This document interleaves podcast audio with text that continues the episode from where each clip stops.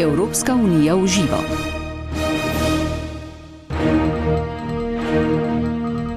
Spoštovane poslušalke, cenjeni poslušalci, lepo pozdravljeni. Za Evropsko unijo je novo pestro leto. Med drugim so ga zaznamovala pogajanja o dogovoru o brexitu, migracijsko vprašanje ter razburkani odnosi z ZDA in Rusijo. Prav tako je bilo čutiti, da se že bližajo volitve v Evropski parlament. O vsem tem bomo govorili s tokratnim gostom. Poslušanju rubrike Evropska unija v živo vas lepo vabim Helina Škrlec.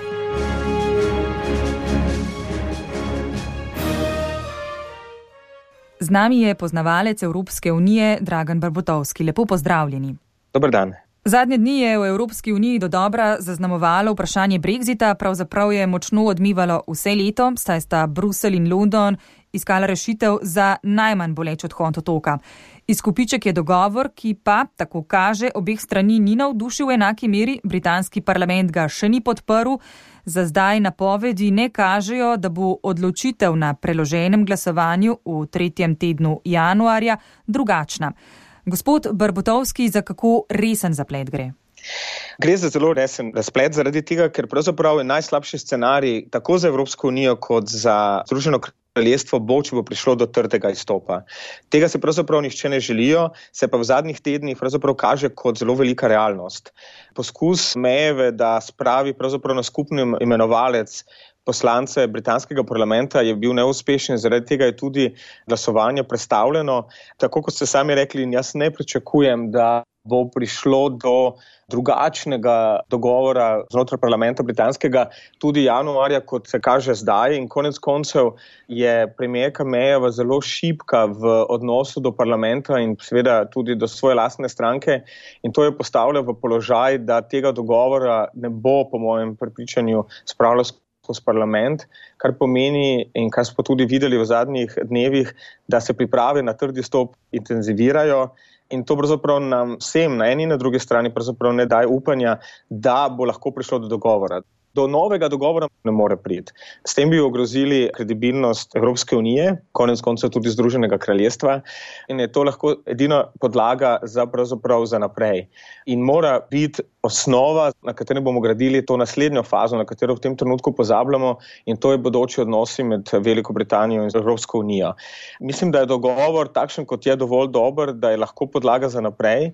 In predvsem, kot sem rekel, ne sme priti do trdega izstopa. Trdi stop bo imel katastrofalne posledice za evropsko gospodarstvo, sicer v manjši meri kot za britansko, in po drugi strani za en kup področji, ki se jih pravzaprav ne zavedamo kot državljani, ko vsak dan potujemo ali pa trgujemo med Evropo in Združenim kraljestvom, od tehničnih certifikatov do dostopa do zdravil, do gostovanja v tujini in konec koncev tudi do tega, da bodo letala še naprej letela med britanskim otočjem in evropsko celino, ker konec koncev Velika Britanija je otok. Vse to bi imelo tako katastrofalne posledice, da jaz mislim, da si tega ne želi nihče in upam, da bo prevladal nek razum in da bomo v prihodnih tednih prišli do nekega sporazuma ali pa dogovora med obema stranima in ta dogovor mora pravzaprav dati vseeno neka zagotovitev vira Velike Britanije glede Severne Irske, ker to je ta problem, ki je še vedno odprt. In po drugi strani, na evropski strani moramo biti tudi toliko fleksibilni, da bomo pomagali Veliki Britaniji, da bomo prišli do nekega dogovora, ki bo na koncu koncev dober za obe strani. 29. marec prihodnje leto je datum, ko naj bi Velika Britanija zapustila Evropsko unijo.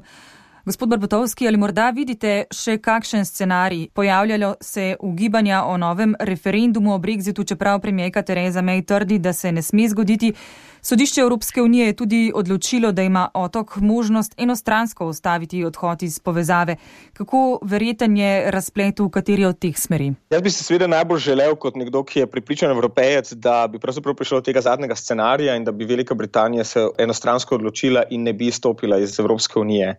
Po drugi strani pa moram biti tudi realist in nekako pričakujem, da je to verjetno najmanj verjetna možnost, da se bo to zgodilo. Zanimiva pa je pravzaprav odločitev Evropskega sodišča, ki je odločilo, da lahko Velika Britanija to stori enostransko. Tako da je to recimo eden izmed možnih scenarijev. Ko pa govorimo o drugih možnih scenarijih, predvsem o vprašanju novega referenduma, sam sem namreč prepričan, da bi do drugega referenduma moralo priti. Če nekako naredim primerjavo z vstopom države v Evropsko unijo, tudi Slovenijo, in izstopom, bi lahko rekli po eni teoriji, da tu gre pravzaprav za zrcalno sliko.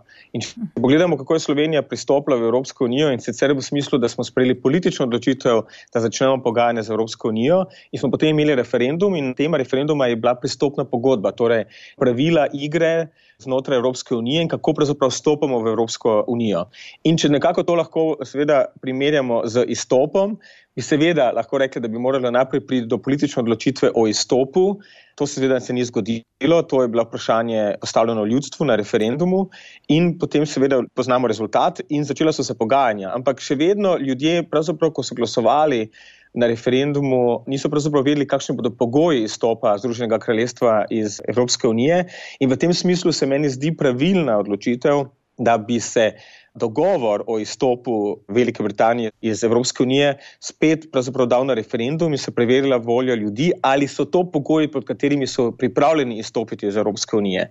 To sta bi recimo bi lahko bili eno možno vprašanje, gre seveda tudi za to, da bi na referendumu samem lahko postavili tudi vprašanje o tem, ali se sploh Velika Britanija izstopi iz Evropske unije ali ne, in konec koncev tudi vprašanje, ali so ljudje pripravljeni tudi na tako imenovan trd izstop ali ne. To so vse te možnosti, ki v tem trenutku nekako premlevajo v Združenem kraljestvu, tisti, ki seveda bi želeli imeti drugi referendum. Ne smemo pa pozabiti, da je politična odločitev bila sprijeta, da bo parlament lahko glasoval o izstopnem dogovoru in do tega glasovanja in te razprave pravzaprav mora priti. In tu se mi zdi zanimivo, kaj se bo zgodilo v drugi polovici januarja, ko bo prišlo do ponovne najprej razprave in potem glasovanja o izstopnem dogovoru.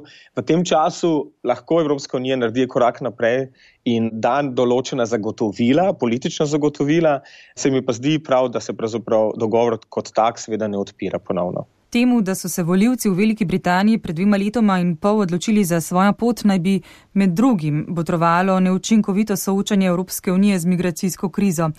Ta tema še ostaja na dnevnem redu politiku v Bruslju in v posameznih članicah povezave. Gospod Barbotovski je bilo v tem letu zaznati kakšen premik v odzivanju na migracijsko krizo ali se je zaradi drugačnih pogledov na njo le poglobila delitev med državami. Najprej, če pogledamo vprašanje migracij v kontekstu britanskega izstopa iz Evropske unije. Ja, to je bila tema številka ena, pravzaprav edina tema. In če pogledamo, ne, tema referendumske razprave pravzaprav ni bila toliko o migraciji iz držav Evropske unije kot iz tako imenovanih tretjih držav. Čeprav je seveda posledica tega, da se Velika Britanija ni mogla odločiti, ali je ta migracija pravzaprav koristi in gospodarsko je koristila medtem ko pa je ni koristila politično, ker je pravzaprav šlo za pridobivanje glasov, predvsem UK Independence Party. Tako da v tem smislu moramo migracije seveda gledati kot neko uro, ki tik taka, in v tem smislu se mora tudi Evropska unija začeti soočati z vprašanjem migracije. Ampak eno zadevo mislim, da si moramo razčistiti in to je to, da mi nimamo migracijske krize v Evropi, imamo pa politično krizo v Evropi zaradi migracij. V letu 2018 nismo videli napredka med državami članicami, neke resne razprave o tem, da bi reformirali azilanski sistem, pravzaprav nismo videli. Nekako se skupaj obtečalo v razpravah na nižjih ravneh, ker se tudi politiki konec koncev ne želijo lotiti te teme. Mislim, da je to neodgovorno. Mislim, da moramo videti politike, ki se bodo začeli ukvarjati z migracijsko politiko oziroma z migracijskim vprašanjem veliko bolj resno. Konec koncev vidimo, ne, da je to postaja tema tako na nacionalnih in kot kaže bo tudi to tema na prihajajočih evropskih volitvah. Kako pomembna pa je pomoč Evropske unije v državah izvora migracij? Bo morala v prihodnjem letu Evropska unija napore usmeriti tudi na to področje? Absolutno. Tu je tudi, smo videli že določen napredek, predvsem v odnosu z Turčijo, tudi z nekaterimi severnoafriškimi državami, Libijo tudi, naprimer. Ja, to je lahko rešitev problema, lahko se na tem, da nekako naslovimo probleme v izvornih državah, ker v bistvu gradnja zidov ali pa postavljanje ograj pravzaprav ni rešitev, ki bi lahko prenesla neke dolgoročne rešitve za problem, ki pa je pred nami. S tem bi ste samo zatiskali oči. Ja, moramo poskrbeti za nacionalno varnost, moramo poskrbeti za to, da bodo migracije legalne legalne, da bodo prihajali nadzorovana. To pa seveda pomeni tudi, da se moramo lotevati vprašanja izvornih držav. Ne smemo mešati to, kar se dogaja med temi ljudmi, ki so pravzaprav potencijalni begunci, po konvenciji o beguncih, torej tisti, ki pravzaprav bežijo pred nekimi vojnimi stanjem oziroma je njihovo življenje ogroženo, in seveda ekonomskimi imigranti. In to moramo seveda nasloviti z drugačnimi ukrepi. To ni en nabor ukrepov, ki bi lahko naslovil ene in druge. In ko se bomo pravzaprav na točki tega čistega vina in da bomo lahko znali razločevati, s čim imamo opravka, potem bo lahko prišlo tudi do nekih določenih rešitev. In te rešitve morajo priti tem, da bomo tudi se dogovarjali z izvornimi državami, da bomo videli, kateri so njihovi problemi in nekako začeli govoriti o tem, da bomo lahko med različnimi celinami pravzaprav lahko. Še vedno bo prihajalo do migracij, ne? to se ne bo zaustavilo, če ne bodo legalne, bodo nelegalne. Predvsem pa mislim, da moramo govoriti predvsem o nadzorovanem toku in o tem, da moramo umakniti vse ta čustva, ki v tem trenutku nekako so prepreka naši resni razpravi o migraciji v prihodnosti, ker ta tema bo tema na dnevnem redu še naprej, tudi leta 2019 in še naprej. V senci tako imenovane migracijske krize oziroma migracij, vprašanja migracij, kot tudi vseh ostalih kriz, ki so prizadele Evropsko unijo, je ostala širitev na Zahodni Balkan, a ta po dolgem času le dobiva težo. Evropska komisija je namreč sprejela strategijo za ta del stare celine. Prvič po 15 letih je potekal tudi vrh Evropske unije in tamkajšnjih držav. Kdaj lahko v veliki družini evropskih narodov pričakujemo nove članice, kako hitri bodo njihovi koraki na tej poti in od česa vse je to odvisno? Predvsem je odvisno od napredka, ki ga bodo države same naredile. Tega ne smemo nekako pozabiti, da nekako tudi, ko se je Slovenija vključevala v Evropsko unijo, smo vedno slišali to mantro iz Bruslja, ne, da pravzaprav napredek odvisen od nas samih. Jaz še vedno verjamem v to, da morajo se države Zahodnega Balkana tudi same pokazati, da so zreli demokracije, da so zrele države, ki so se sposobne soočiti z vprašanjem gospodarskega razvoja, odhoda možganov, korupcije, tudi pravosodja. To so ti najbolj pereči problemi, ki jih vidimo na Zahodnem Balkanu. In Evropska unija po drugi strani mora dati možnost, da bodo države Zahodnega Balkana v enem trenutku tudi postale članice Evropske unije. Jaz mislim, da se to ne bo zgodilo zelo hitro in mislim, da ta proces bo trajal tudi zaradi neke, seveda, utrujenosti na evropski strani, ampak nekako, če gledamo srednjeročno, Evropska unija ne more dovoliti, da bo imela to črno luknjo sredi Balkana in moramo se začeti ukvarjati tudi z Zahodnim Balkanom, ki pa je nekako postala neko obrobna tema v Junkerevi komisiji. Sam je po mojem prepričanju, naredil veliko napako s tem, ko je že na začetku svojega mandata naznanil, da v njegovem mandatu ne bo prišlo do širitve. To je bilo seveda zelo realna ocena, mislim pa je dala, dala napačni signal državam Zahodnega Balkana in zaradi tega smo videli predvsem na začetku mandata sorazmerno majhen napredek, ki pa je sedaj malo večji, je pa res, da se morajo tudi države Zahodnega Balkana naučiti, da morajo reševati težave same, da morajo same tudi narediti določen napredek in ne nekako pričakovati, da bodo drugi reševali probleme za njih. Ta nekako odvisnost od tega, da Evropska unija bo rešila vse probleme, pravzaprav smo tudi konec konca Slovenija dobila to lekcijo in tudi to je neka lekcija za Zahodni Balkan. Evropska unija mora narediti več za to, da bo naredila ta korak proti državam Zahodnega Balkana, predvsem pa morajo države Zahodnega Balkana narediti veliko več, veliko večji napredek moramo videti na strani evropskih držav, zato da bo prišlo do tega, da te nove možnosti enega, bi rekel, kratkoročnega, pa vsaj srednjeročnega pristopa v Evropski uniji. Gospod Barbotovski, morda bi veljalo še kakšno besedo reči o odnosih med Brusljem in Washingtonom ter med Brusljem in Moskvo. Prve je močno zamajala trgovinska vojna, strani sta na nasprotnih bregovih tudi pri nekaterih ostalih vprašanjih, odnose z Rusijo pa je zaznamovala afera Skripal, ko je bil v Veliki Britaniji zastrupljen nekdani ruski vohun, še večjo skrb pa zbuja dogajanje na vzhodu Ukrajine. Kaj torej reči o teh odnosih, kakšni bodo v prihodnje? Evropska unija se mora postaviti kot nek globalni akter v svetu, v to smer pravzaprav moramo iti. Če namreč ne bomo se postavili na zemljevid kot globalni akter, s tem, da bomo seveda del nekih rešitev, da bomo del nekih globalnih tokov, da bomo konec koncev tudi vedeli, kaj pravzaprav mi kot Evropska celina želimo v tem globalnem svetu, potem bodo velike odločitve sprejete mimo Evropske unije. In v tem smislu lahko že vidimo določene premike. Omenili ste ZDA, ki se zelo fokusira seveda na Kitajsko, na Azijo, tudi nekako na Rusijo, Rusija, ki se usmerja seveda tudi v Azijo, Kitajska, ki se usmerja v Afriko. To so veliki globalni premiki, ki smo jim priče in v tem trenutku se Evropska unija mora resnično odločiti, v katero smer bo v tej globalnem svetu se bodo sedaj premešale karte in premešale se bodo figure na šihavnici, v katero smer se bodo postavljale. In v tem smislu ne smemo pozabiti, da so tako ZDA in Rusija so naši sosedje in z njimi moramo pravzaprav najti nek konstruktiven dialog. Kar pa seveda ne pomeni, da bomo verjeli vsemu in se nekako sprejeli vse odločitve, ki jih sprejemajo tako eni kot drugi akteri. Ampak vedeti moramo, kaj želimo, in predvsem moramo vedeti, kakšni so naši notranji, govorim pa evropski interesi, in to moramo seveda potem zastopati. V tem smislu jaz seveda vidim, da moramo okrepiti vlogo Evropske unije do ZDA, do Rusije, do Kitajske, tudi konec koncev do afriških držav, ki se zelo hitro razvijajo, in v tem smislu postaviti neko globalno strategijo, ki bo odražala te nove razmere, ki so v svetu. Gospod Barbatovski, še kratek pogled v prihodnost. Poleg Brexita bo prihodnje leto predvsem v znamenju volitev v Evropski parlament. Kaj lahko prinesejo, se obetajo kakšni resnejši pretresi?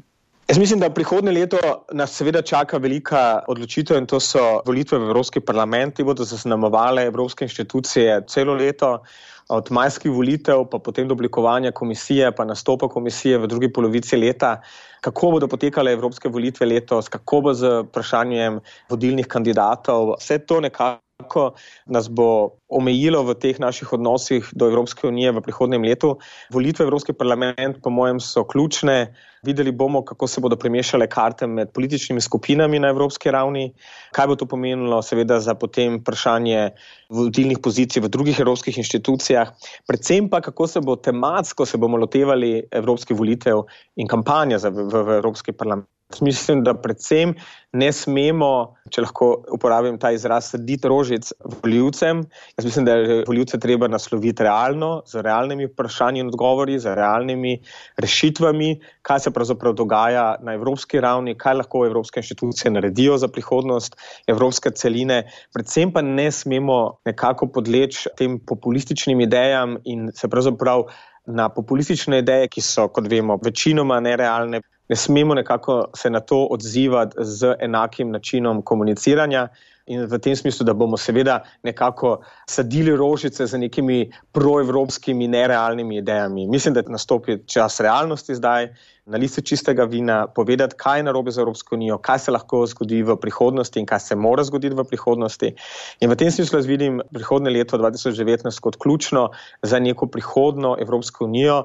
Ta namreč, kot smo videli pred letom pa pol ali pa mogoče pred dvema letoma ta en val optimizma, da lahko reformiramo Evropsko unijo, da lahko postavimo Evropsko unijo na nove temelje, tega več ni. Tega so krive mal nemške volitve, pa potem politične odločitve na evropski ravni, stop Velike Britanije iz EU-ja, ampak 2000. 2020, ko bo nastopila ta nova komisija, ko bo nov parlament, pa moramo začeti se realno pogovarjati o neki Evropski uniji 2.0, 3.0, 5.0, kakorkoli. In v tem smislu moramo si zastaviti neko vizijo za prihodnje, ker to pravzaprav manjka. Ne? Kaj pravzaprav je vizija Evropske unije v prihodnosti, kakšna je vizija Slovenije v Evropski uniji v prihodnosti, to so te ključne vprašanja, ki jih jaz vidim, se moramo začeti lotevati v letu 2019.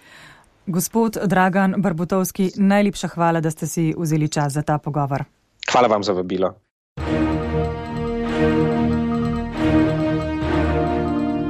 Spoštovane poslušalke, cenjeni poslušalci, rubrika Evropska unija v živo, ki sem jo tudi tokrat pripravila Helena Škrlec, je končana. V takšni obliki se ne bomo več srečevali. Teme, povezane z veliko družino evropskih narodov, pa bodo odmevale v ostalih oddajah z informativnimi vsebinami. Zahvaljujem se vam za pozornost tako danes kot v vseh preteklih letih. Želim vam blagoslovljene božične praznike in vse dobro v letu, ki prihaja.